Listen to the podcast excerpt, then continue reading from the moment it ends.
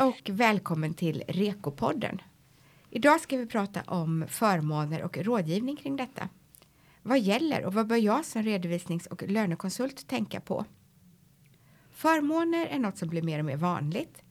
Det kan handla om eh, måltider, cyklar, bostäder, parkering, hälso och sjukvård. Ja, listan kan göras lång. Men vad gäller egentligen? Det ska vi försöka reda ut här idag. Jag heter Charlotta Martäng och är chefredaktör för Fars tidning Balans. Med mig i studion har jag Lotta Julén och Emily Hansson, auktoriserade lönekonsulter på Grant Thornton och Camilla Karlsson, auktoriserad redovisningskonsult på FAR. Välkomna! Tack! Tack! Tack! Huvudregeln är att eh, allt en arbetsgivare lämnar ut sina anställda, både kontant ersättning och förmåner av olika slag, är skattepliktigt. Anledningen är att det ses som en ersättning för utfört arbete. Men det finns vissa förmåner som är skattefria. Det handlar dels om de olika personalvårdsförmånerna som måste erbjudas samtliga anställda på lika villkor och dels vissa andra särskilt reglerade förmåner. Men jag tänker att vi kan väl börja med att reda ut till vilket värde som förmåner enligt huvudregel ska värderas. Emelie, här vänder jag mig till dig. Ja, en skattepliktig förmån ska normalt värderas till sitt marknadsvärde och det ska då motsvara vad en anställd skulle ha fått betala inklusive moms om man hade köpt förmånen på sin lokala ort. Ehm, och det kan ju vara så att det är svårt att sätta ett marknadspris för att marknaden för varan eller tjänsten är begränsad. Men då säger Skatteverket att det marknadsvärdet ska beräknas utifrån vad en blivande köpare skulle kunna tänka sig att betala för något liknande.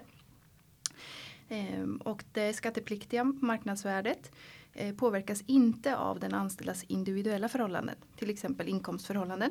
Marknadsvärdet påverkas inte heller av att förmånen inte kan bytas mot pengar eller att den anställde inte skulle kunna skaffat sig förmånen om han eller hon inte fått den av arbetsgivaren. Mm. Löneväxling är ju någonting som man hör om ibland. Vad innebär det Lotta? Ja, löneväxling är ju om en anställd som betalar för sin förmån med beskattade pengar, till exempel via ett nettolöneavdrag. Då sätts förmånsvärdet ner med det aktuella beloppet. Det gäller även betalningar för de schablonvärderade förmånerna som vi kommer till strax. Observera här att ett bruttolöneavdrag inte sänker förmånsvärdet. Så vid löneväxling är det istället den anställdes bruttolön som sänks medan förmånsvärdet är oförändrat. Här är det viktigt att både arbetsgivaren och arbetstagaren är överens om de totala konsekvenserna av löneavståendet. Bruttolönet kan minska lagstadgade förmåner som till exempel sjukpenning och pension. Mm. Du nämnde det schablonvärderade förmåner. Eh, har du något exempel på vad det skulle kunna handla om? Ja, man pratar om fyra skattepliktiga förmåner som värderas enligt schablon. Den faktiska kostnaden spelar alltså ingen roll för det skattepliktiga förmånsvärdet. Eh, och det man värderar då enligt schablon är fri kost, kostförmån, fri bil som blir bilförmån, fri bostad, bostadsförmån och räntefritt eller räntesubventionerat lån. Mm.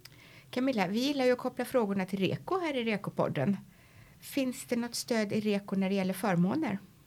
Eh, nej, det gör det ju inte för REKO tydliggör ju den goda yrkesseden. Eh, men någonting som definitivt framgår i REKO det handlar ju om det här att vara en proaktiv och rådgivande roll och eh, här handlar det ju om att man ska löpande informera sin uppdragsgivare om de förändringarna som sker och eh, här ser vi just förmåner är ju ett komplext område och här sker det vissa förändringar också så att eh, proaktivitet framgår helt klart i REKO. Mm. Och rådgivning nämner du och vi pratar just om förmåner och rådgivning. Vad finns det för stöd i REKO om rådgivning då? Eh, här har vi faktiskt två olika REKO-avsnitt. Ett som pratar om den uppdragsnära rådgivningen och ett om den fristående rådgivningsuppdrag. Men man ska alltid tänka på att grunden i ett rådgivningsuppdrag är kunskap och förståelse av uppdragsgivarens verksamhet. Och Tänk också att du som konsult endast ska agera som rådgivare inom ditt kompetensområde och glöm inte heller bort att definiera uppdraget i ett uppdragsavtal. Men idag så pratar vi som sagt var mycket om förmåner kopplat till ett löneuppdrag och eh, många gånger så inkluderar ju det i den uppdragsnära rådgivningen skulle jag säga. Det är det som jag som exempel till exempel i REKO tillämpningsanvisningar. Men det jag vill skicka med här att säkerställa att det finns med i era uppdragsavtal för det är otroligt viktigt att vi definierar det där. Mm. Jag nämnde här i inledningen att det ju finns skattefria förmåner. Vad ska jag tänka på där, Emelie? Mm. Ja, eh, vi kan tänka så att man kan dela in de här skattefria förmånerna i två kategorier. Och den ena är en så kallad personalvårdsförmån. Eh, där gäller det att det ska erbjudas till samtliga anställda på arbetsplatsen på lika villkor för att de ska vara skattefria. Förmånen ska också vara mindre värde och inte heller kunna bytas mot kontanter. I den andra kategorin avser särskilt reglerade skattefria förmåner. De behöver inte erbjudas till samtliga anställda men de är skattefria ändå. De här skattefria förmånerna som personalvårdsförmån som man då måste erbjuda samtliga anställda. Eh, är det någon skillnad där om man jobbar heltid eller deltid? Hur, hur fungerar det? Nej, där har man samma belopp oavsett eh, anställning. Mm. Eh, kan ni ge några exempel på skattefria förmåner?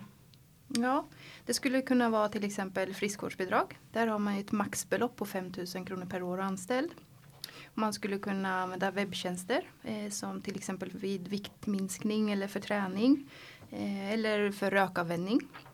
Men man kan eh, tillsammans med de här friskvårdstjänsterna då, så kan man också blanda det med naturaförmån som kortfattat är när arbetsgivaren bestämmer och betalar för motion eller friskvårdsaktivitet. Ehm, I lagen om skattefria personalförmåner nämns också enklare förtäring och det är kanske en av våra vanligaste för skattefria förmåner. Ehm, och då är det ju en enkel förtäring i samband med arbete. och då handlar det om till exempel en fruktkorg eller kaffe på arbetsplatsen. Ehm, nytt inom det här ämnet är att Skatteverket har lämnat in förslag på att slopa eh, skatten på eh, laddning av elbil vid arbetsplats från 1 juli 2023 nu då.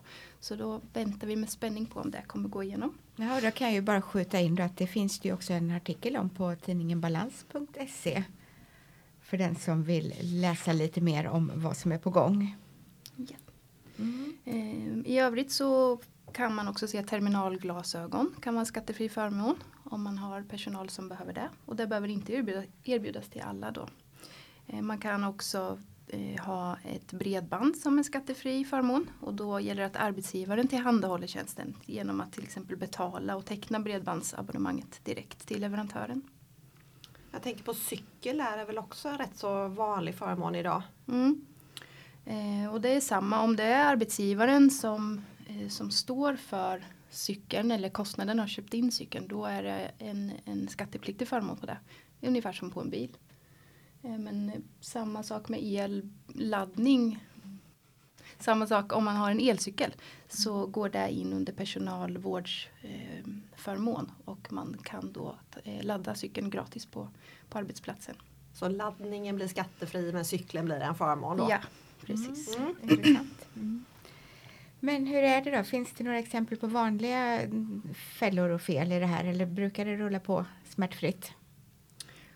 Ja, vi som lönekonsulter kan väl ofta stöta på att man får in underlag för sent på bilar eller på en eh, sjukvårdsförsäkring eller vad det skulle kunna vara och då gäller det ju att redovisa förmånen i rätt månad. Eh, så det kan vara en liten tråkig administration kring, kring rättningar både på Skatteverket och lönesystemet. Eh, det kan också vara att en del arbetsgivare tycker att man är schyssta så man vill bjuda på lite extra. Eh, och då får vi vara på hugget där med rådgivningen och eh, möta kunderna och vara lite jobbiga med oss och förklara att det blir förmån för, för den anställde. Då. Eh, det kan också vara svårt för en del eh, arbetsgivare att förstå vad som händer om en person är föräldraledig eller tjänstledig. Då får vi ofta underlag på att vi ska ta bort förmån på bil till exempel. För att personen inte har någon lön. Men då gäller det att man har lämnat tillbaka bilen till arbetsgivaren eh, för att det inte ska uppstå någon förmån. Ja, sen kan det vara svårt att hålla reda på gränser för vad som är enklare förtäring, förmån av mindre värde och enklare slag. Ibland är det här väldigt enkelt definierat hos Skatteverket men ibland inte. Så då eh, gäller det väl att hålla koll på alla beloppsgränser och marknadsvärden för att inte göra fel. Eh, för då kan det vara så att man blir förmånsbeskattad på hela beloppet istället. På till exempel friskvårdsbidrag så kan det vara så att arbetsgivaren tänker att man står för 6 000 kronor. Eh, men då blir hela beloppet skattepliktigt och inte bara det överskjutande som, som många tror. Mm.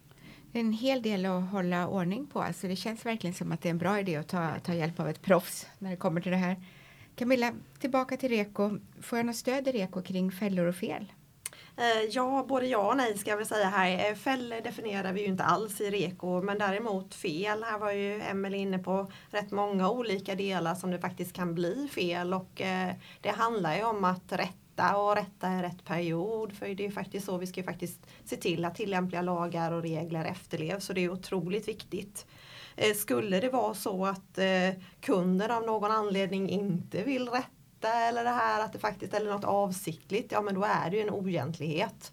Eh, och då måste vi faktiskt ompröva uppdraget och eh, då ska vi inte jobba vidare med den här kunden. Så det, det är viktigt att följa de lagar och regler som vi har. Mm. Lotta, ni som också arbetar med internationella kunder, är det vanligt där att de erbjuder förmåner och är det i så fall någon, någon förmån som är mer vanlig än någon annan? Ja men här finns det verkligen saker att se upp med. För internationella kunder de erbjuder ju ibland lite för mycket förmåner än vad som är godkänt hos Skatteverket. De förstår ju inte alltid att det, är, att det är en förmån och kan ibland vara lite väl frikostiga, till exempel med fri kost eller friskvård. Eh, och det är även vanligt att arbetsgivaren erbjuder bostad till den anställde och kanske inte tänker på att även den ska förmånsbeskattas. Mm. Är det generellt så att reglerna är mer generösa i andra länder? Ja men det skulle jag säga. Man vill göra allt för sin anställde och betalar lite väl mycket. Och eh, här i, i Sverige så är ju nästan ingenting for free. Mm, nej. Eh, Lotta, vad bör man tänka på under löpande år på de kunder som har förmåner? Ja men precis som Emelie nämnde förut att det är viktigt att hålla koll på att man har uppdaterat i arbetsgivardeklarationen. Förmånen ska beskattas i den, mån, i den månad som, som den uppstod. Eh, och det är viktigt att spara underlag för, för till exempel sjukvårdsförsäkring och så vidare. Eh, och sen är det viktigt också att kolla då på föräldralediga som har förmåner löpande under året om de fortfarande är aktuella. Och här kan vi som konsulter vara riktigt jobbiga eller proaktiva och fråga om till exempel extra utrustning på bilen. Har det tillkommit någonting så? Så det, rådgivning är, är väldigt lätt här på, på de här kunderna. Mm, mm. Om man tittar på, på dokumentationsfrågan då Camilla, för det är ju någonting som återkommer i REKO, just dokumentation. Har du något medskick kring dokumentation kopplat till det vi pratar om här idag?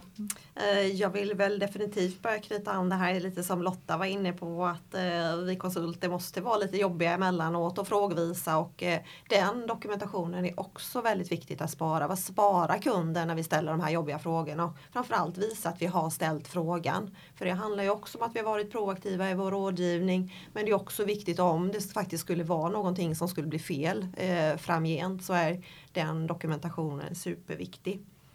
Eh, dokumentation är ju viktigt, brukar jag alltid nämna i Rekopodden. Eh, och det finns ju ett helt avsnitt som just handlar om dokumentation och eh, det man ska tänka på. Att man ska ju dokumentera väsentliga saker. Så jag menar varje uppdrag ska man faktiskt dokumentera det som är väsentligt för uppdraget så det kan se väldigt olika ut. Så man ska ju tänka utefter komplexiteten på uppdraget och sen ska man alltid ha med sig det här i det överlämningsbara skicket. Det är ju det som ska vara grunden i, i dokumentationen och kopplingen till uppdragsavtalet självklart. Mm.